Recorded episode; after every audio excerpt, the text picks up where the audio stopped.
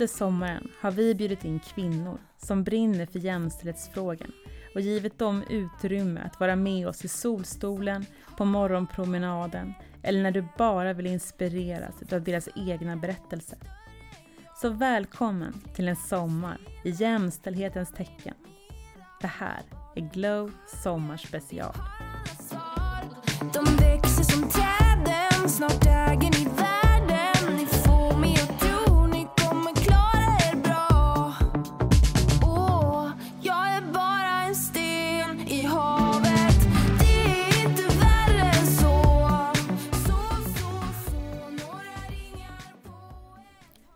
Förebild?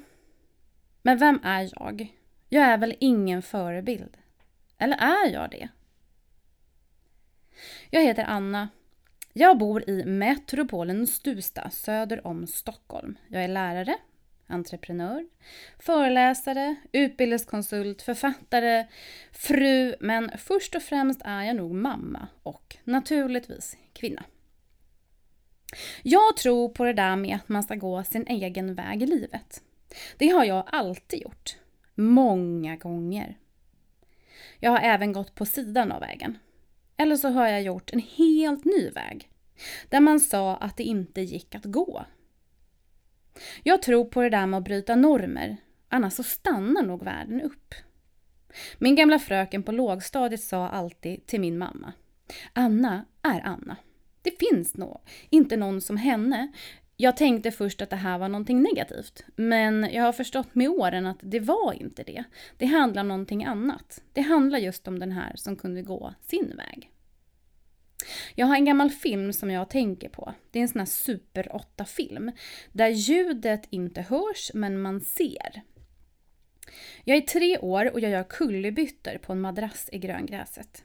Det är gymnastikläge på Stensund utanför Trosa där jag spenderade somrarna när jag var liten. Jag gör en kullerbytta.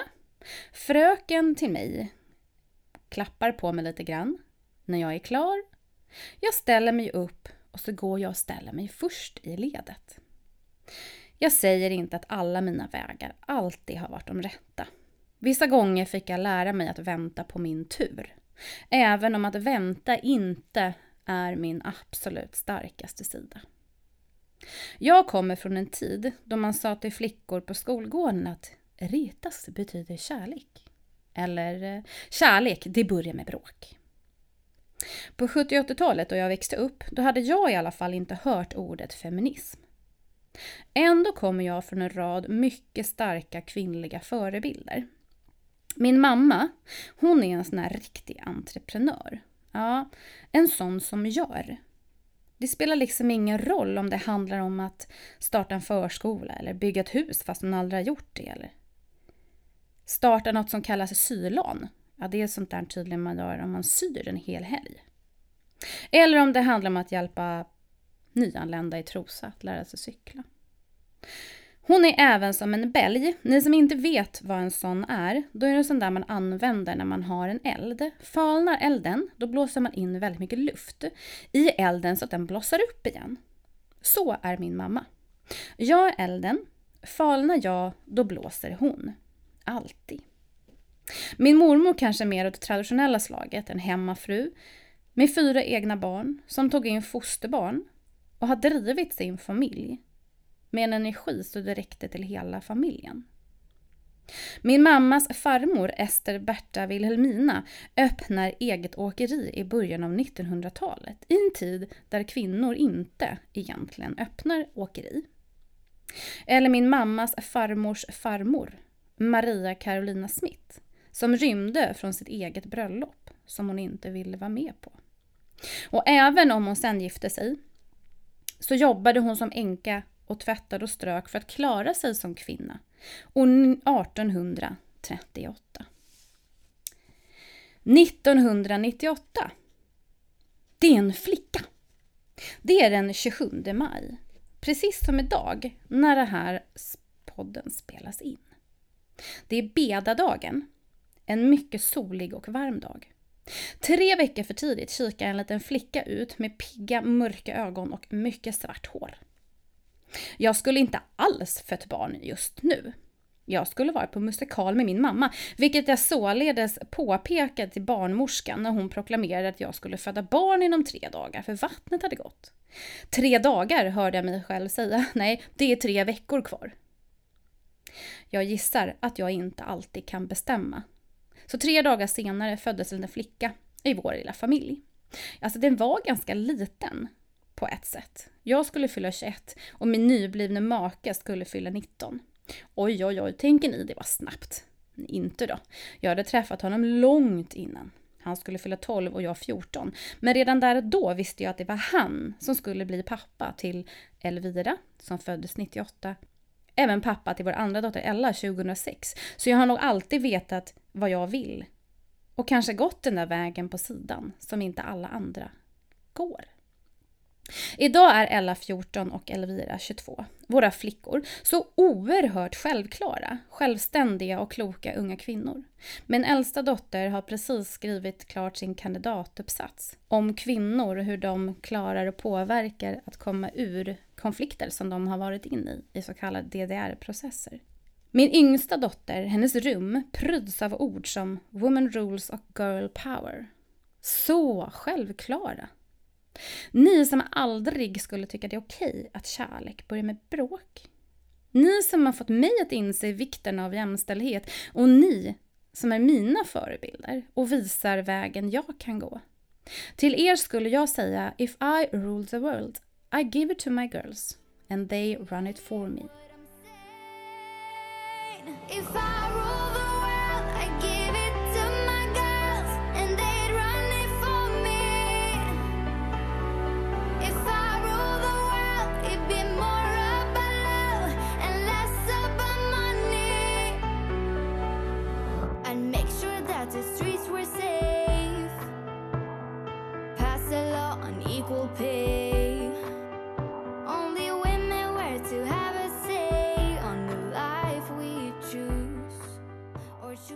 Det här var Leia med låten If I Rule the World.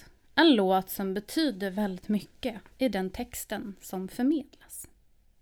Jämställdhet mellan kvinnor och män är en förutsättning för ett hållbart och fredlig utveckling. Jämställdhet handlar om rättvis fördelning av makt, inflytande och resurser. All form av våld och diskriminering och skadlig sedvänja mot kvinnor och flickor drabbar såväl individen som hela samhället. Det bevisas om och om igen i politisk, och ekonomisk och social jämlikhet mellan kvinnor och män som bidrar till alla dimensioner av hållbar utveckling. Att leva ett liv fritt från våld och diskriminering och grundläggande mänskliga rättigheter är helt avgörande för att människor och samhällen ska utvecklas till sin fulla potential. Ni kanske känner igen det här, för det här är nämligen artikel 5 i de globala målen. Dessa samhällen som ska utvecklas tar sin start i skolbänkarna. Så vad var väl ett bättre sätt att påverka framtiden än att bli lärare?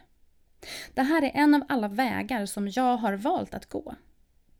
Alltså en ganska vanlig väg, som många andra. En fantastisk väg, men som många gånger visat sig vara en omväg, ibland en genväg. Men många, många gånger en helt egen väg som inte någon annan har hittat. Jag blev lärare när jag var 25 år. Då hade jag redan jobbat extra under hela min studietid på min mammas förskola. Jag var förälder till en fyraåring, gift, hus och hund. Vuxen med andra ord. Döm av min förvåning när föräldrarna hälsade snällt på mig i dörren på min första skoldag med min första klass och sedan gick de rakt förbi mig och letade efter läraren till deras barn. Vägen var just då lite snårig, men rakare och lättare skulle det bli. Att tidigt ta på sig en sorts kostym med självsäkerhet. En hatt med självförtroende och ett tydligt bälte med en pondus. Det var något som blev självklart och en vana för mig. Att vara ung, kvinna och dessutom mamma kan vara kantat med en del stereotypiska fördomar. Många gånger fördomar som jag har valt att kliva över, slå tillbaka på eller ibland ignorera. Men att eh, klä upp mig till jobbet med en kavaj, eller ett par pums liggande i utifall man skulle behöva ta ett föräldrasamtal blev viktigt för mig. För att hamna i en situation där någon skulle säga ”lilla gumman”, det vägrade jag tidigt. Även om en och annan kollega på vägen eller en och annan chef under åren har gjort det misstaget så har jag lyckats snirkla mig undan denna nedvärderande kommentar. När jag föreläser, och jag har gjort det under åren, så har jag haft som strategi att dels klä mig äldre för att ingen ska behöva ifrågasätta min ålder. Som man gärna gör när man är kvinna och kanske dessutom deltar i forum där man kanske då till exempel ska föreläsa eller handleda någon eller berätta någonting som dock kräver lite erfarenhet. Att börja med att rabbla sin ålder och CV ska man definitivt slippa. Men tro mig, ibland har det behövts. Efter en föreläsning dock, så kan acceptansen ha kommit. Men det har alltid varit i någon form av en god prestation på scenen eller en god prestation i styrelserummet eller i klassrummet. Något som jag märkt att männen i samma sammanhang inte alltid har behövt. Nu kanske jag är lite äldre, har ett större mått självständighet och eh, självsäkerhet. Men eh, det här är någonting som är extremt viktigt, tänker jag, för vår framtida generation. Att inte alltid behöva känna så. Räcker det med att kunna saker? Spelar det någon roll ifall du är kvinna, man, ung eller gammal? Det här med medvetna handlingar, det har blivit en rutin i mitt klassrum. Att redan från början motverka normer av olika slag tycker jag är viktigt och någonting som vi lärare behöver tänka på. Vi behöver ju börja med de unga. Det är där förändringen sker. Jag brukar alltid visa en video för mina elever. Jag tror att den heter Like a girl när man googlar på den. På videon frågar vuxna människor, andra vuxna människor, både kvinnor och män, hur en flicka springer eller hur en flicka slåss. På videon så får man se vuxna som flaxar löjligt med armarna eller springer larvigt. Efter det här tar man in barn och ställer exakt samma fråga. Barnen, både flickor och pojkar, visar hur man springer som en flicka. Konstigt nog är det samma som för en pojke. De vuxna skäms givetvis när de får se barnens video. Eftersom att de vuxna, framförallt kvinnorna, inte alls springer så som de själva visade. Kontentan som ni säkert räknat ut är ju att barn föds ju inte med de här fördomarna. De ärver ju dem av oss och sen fortsätts det föra vidare. Så hur pratar vi egentligen till våra elever? Hörni, kom nu tjejer! Grabbar, ska ni inte komma? Det här hur vi tilltalar barn är speciellt. Vi vill ha vuxna förebilder som förmedlar saker, till exempel hur man är för att vara bara barn.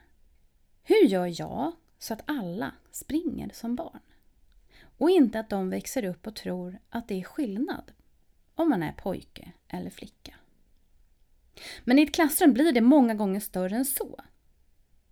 Att varje barn får vara sig själv låter ju otroligt fint, men är det fortfarande en utopi? Det är idrott. Idrottsläraren viftar lite med bollen som är fokus på dagens pass. Hörni, eh, alla killar ställer sig där och sen så ställer sig alla tjejer där. Förvirring råder i ett par minuter. De mindre barnen rör på sig. Många pojkar ställer sig på ena sidan och många flickor på andra. Några står i mitten. Till slut tar läraren ett beslut och pekar lite grann vart barnen ska gå. Frågan kvarstår. Kan barn få vara barn? Även om det är ett rum fullt med snippor och snoppar. Ska det vara avgörande för hur vi delar upp våra elever? Vad talar vi i så fall om genom att göra det här? Kan vi se bortom det här och titta på att det är barn vi har framför oss istället för att sätta dem i fack med en förväntan för respektive kön som blir utstakande för den vuxne. Är det verkligen vi som ska sätta dessa tankar i våra elevers hjärnor? Som vuxna? Lärare? Eller är det just att motverka de stereotypiska könsmönstren? Välkommen till avsnitt 226. Idag möter vi herrfröken. Mikrofonen är igång och inspelningen rullar. Det är våran podcast, Anna och Filips lärarpodcast. Varje vecka lyfter vi fram en person inom skolan som gjort skillnad. Idag är det Daniels tur. Daniel jobbar som lärare. När han kom till inspelningen hade han med sig en påse till oss. På påsen stod det Förebilder kommer inte med kön, de kommer med värderingar. Fokuset just i den här podden som vi spelade in, det var hur skolor skulle kunna ta ett kliv längre fram i jämställdhetsfrågor och med genusperspektiv. Vi får lära oss hur vi kan tänka mer medvetet kring genusfrågor. Tänk att jag, efter 15 år som lärare, fortfarande får lära mig nya saker, se genom andras ögon och utvecklas till att bli bättre som lärare, än vad jag var förra veckan. Det är ju en ynnest. Jag och Filip startade den här podden för fem år sedan. Det var en helt ny väg för mig. Jag hade aldrig lyssnat på poddar förut. Vi hade dock en mission. Det var att påverka i skolfrågor. Göra läraryrket till någonting mer attraktivt och höja statusen inom vår yrke. Nu, fem år senare, visade det sig att det var ett helt rätt vägval. Som årets insats inom offentlig sektor, priset vi fick på Framtidsgalan 2017. Där och då förstod vi att vi gjort skillnad i samhället genom att varje vecka oavbrutet lyfta fram folk i skolan som just gör skillnad. Vi har tagit oss in partiledare, fackliga förtroendemän, proffs på olika typer av frågor och mängder av kloka lärare. Vägen som podcastvärd visade sig vara magisk. Helt plötsligt var jag också en entreprenör. Ni vet, en sån där som gör. Tusentals nytänkare kommer in i skolan. Hur många kommer ut? Det här citatet såg jag på en tidning när jag började jobba som lärare. Det har följt med mig sedan dess. När jag är ute och föreläser om entreprenörskap i grundskolan brukar jag börja med att berätta en historia. Den här historien är en sann historia om en fantastisk fröken. En sån där lärare som man vill att sina egna barn ska ha. Jag var på ett lektionsbesök hos den här erfarna pedagogen. Hon hade ett gäng förstaklassare framför sig på en rund blå matta. Hon hade en spännande väska där hon plockade fram saker för att hon hade nämligen förberett dagens lektion. Alla barnen satt med spänd förväntan. Hon öppnade lådan. Hon tog ut en gul papptallrik som log mot barnen. Det skulle föreställa en sol eftersom att de skulle jobba med solsystemet den veckan. Vad är det här? frågade läraren med inlevelse. Alla barnen var som popcorn. De räckte upp handen och kunde knappt sitta still på mattan. En pojke fick ordet. Han höll på att spricka. Jag vet, jag vet, sa han. Det är en spindel! Fröken skruvade lite grann på sig och skrattade till lite grann. Nej, Klas, det är ingen spindel. Det är en sol.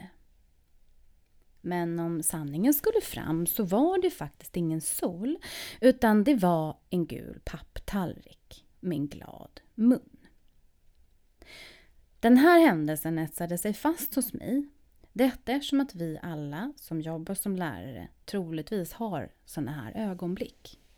Vi vet inligt vad vi ska berätta. Vi visste att det skulle vara en sol. Men ibland vill ju barnen att det ska vara en spindel. Frågan är om det kan få vara en spindel ett tag. Om det gör någonting. Risken är annars att vi redan i förskoleåldern klipper barn över hälarna. Vi lär dem att det endast finns ett rätt svar som de ska leta efter.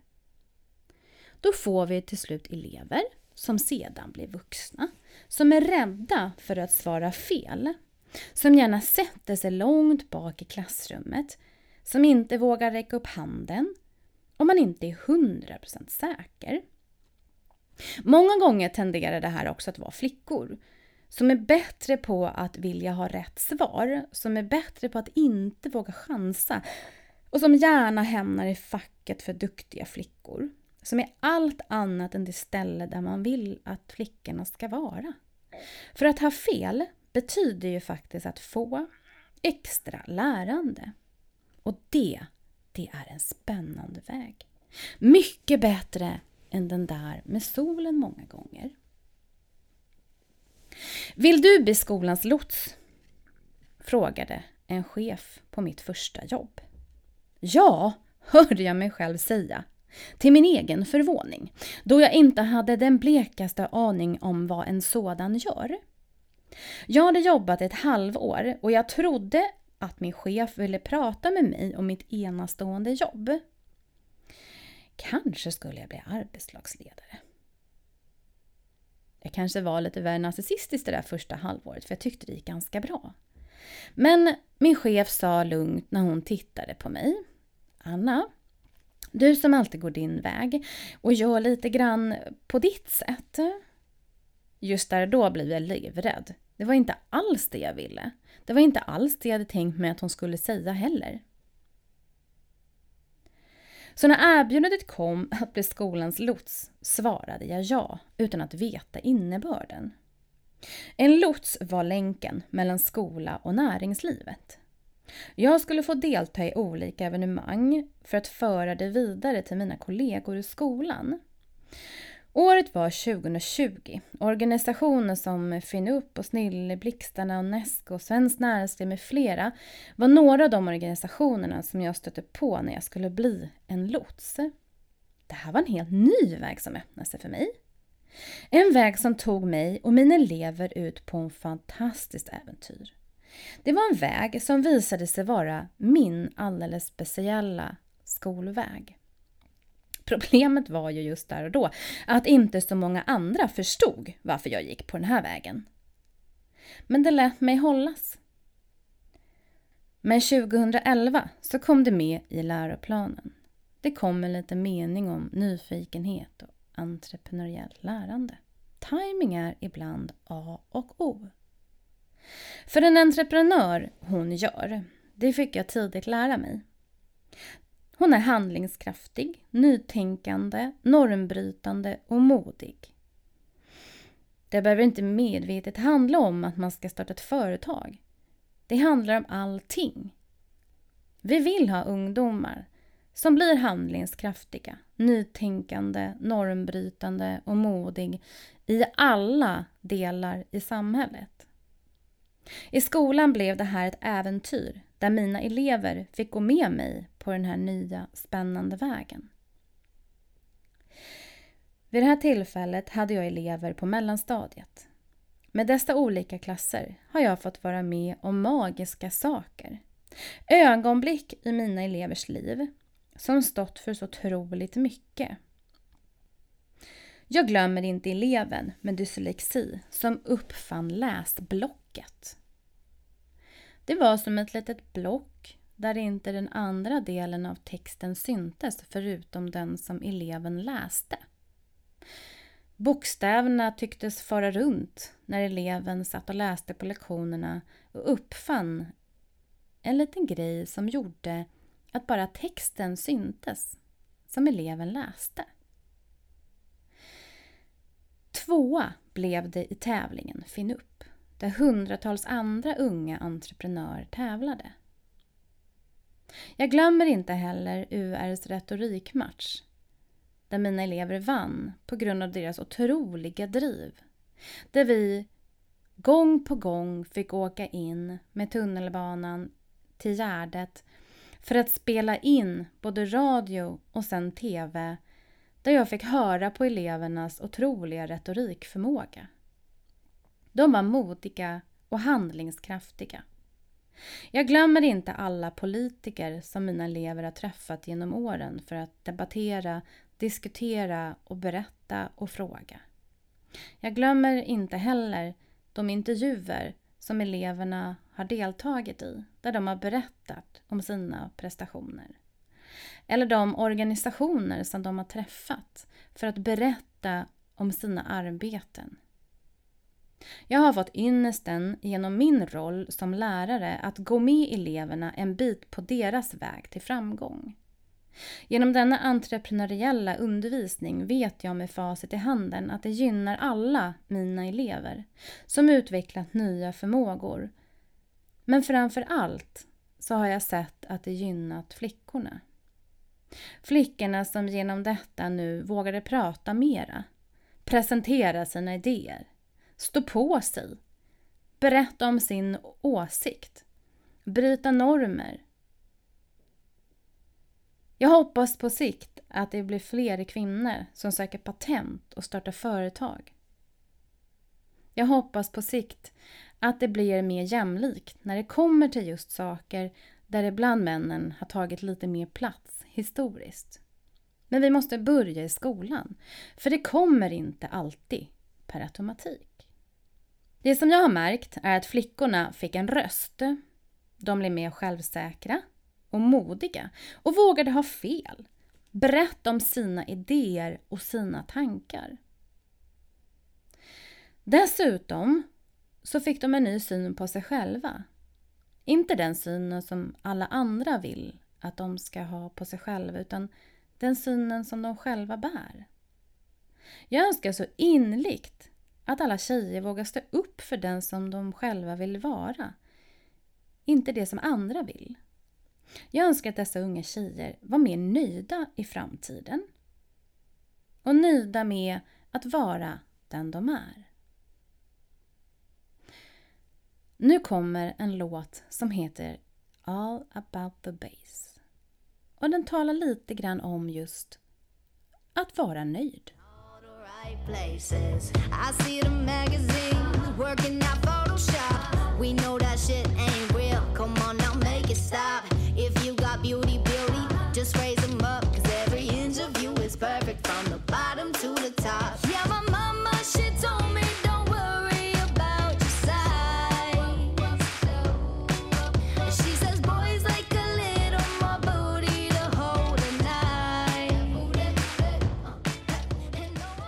den globala målets hemsida finns det ett Poetry Slam.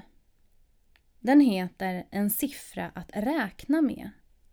Det här handlar om att unga ska bli mer målmedvetna. Det är i dubbel bemärkelse.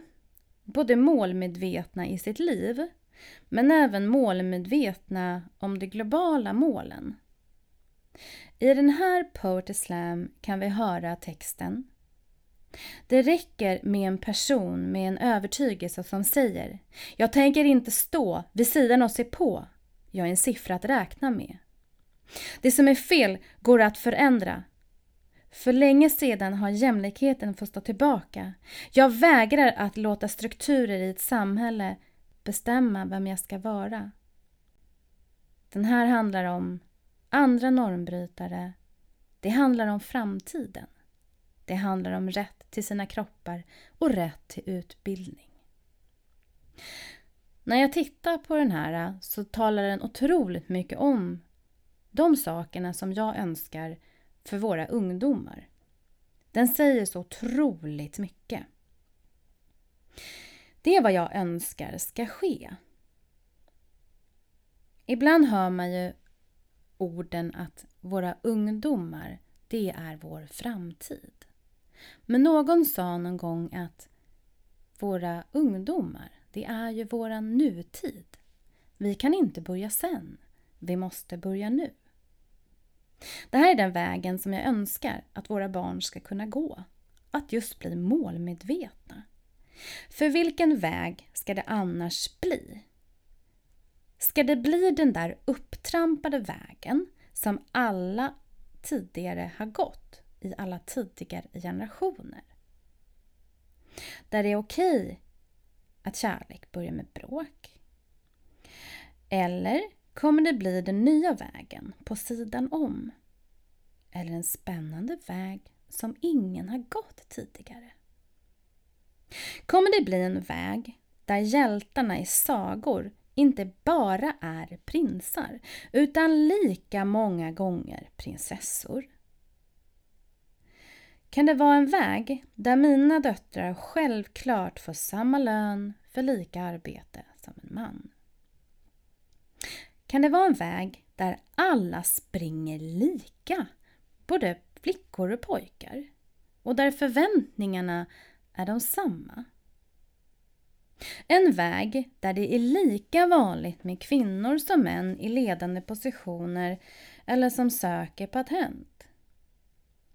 Är det en väg där vi inte längre behöver ett globalt mål för jämställdhet utan där det blir en självklarhet. Som sagt var, ungdomarna är inte vår framtid, de är vår nutid. Och när jag tänkte en stund på förebilder så är det ju många gånger de här unga som är mina förebilder. Men en förebild, vem är jag? Jag är väl ingen förebild, eller är jag det? Det här tänkte jag först när jag skulle spela in det här. När mina döttrar såg på mig och sa Mamma, du är ju vår förebild. Då tänkte jag att förebilder kommer ju i alla möjliga former och färger. Det kommer varken med kön eller med ursprung. Jag väljer att avsluta det här sommarpratet med en del ur texten från de globala målen. Där de unga säger ett par väl valda ord till oss. De unga och målmedvetna. Jag kommer vråla mot himlens hölje. Och det kommer kutta genom allt. Det är vi som är den första generationen som kan utrota fattigdom, de sista som kan stoppa isarna från att smälta. Det som är fel går att förändra. För länge har jämlikhet fått stå tillbaka. Jag vägrar låta strukturer i ett samhälle jag inte valt bestämma hur jag relaterar till andra normbrytare. En smiley på ditt nagellack och vingar av eyeliner så vass att det skär upp den mjölkvita hinna som skymt din vy. Vi är inte bara framtiden, vi har också rätt. Rätt till våra kroppar, rätt till utbildning, rätt till rent vatten. Det börjar med en, det börjar med mig. Jag kommer få folk att tänka om. En rörelse just i detta nu. Vi kommer bli fler, världen kommer se. Så sträck ut en hand, knyt en näve, höj din röst.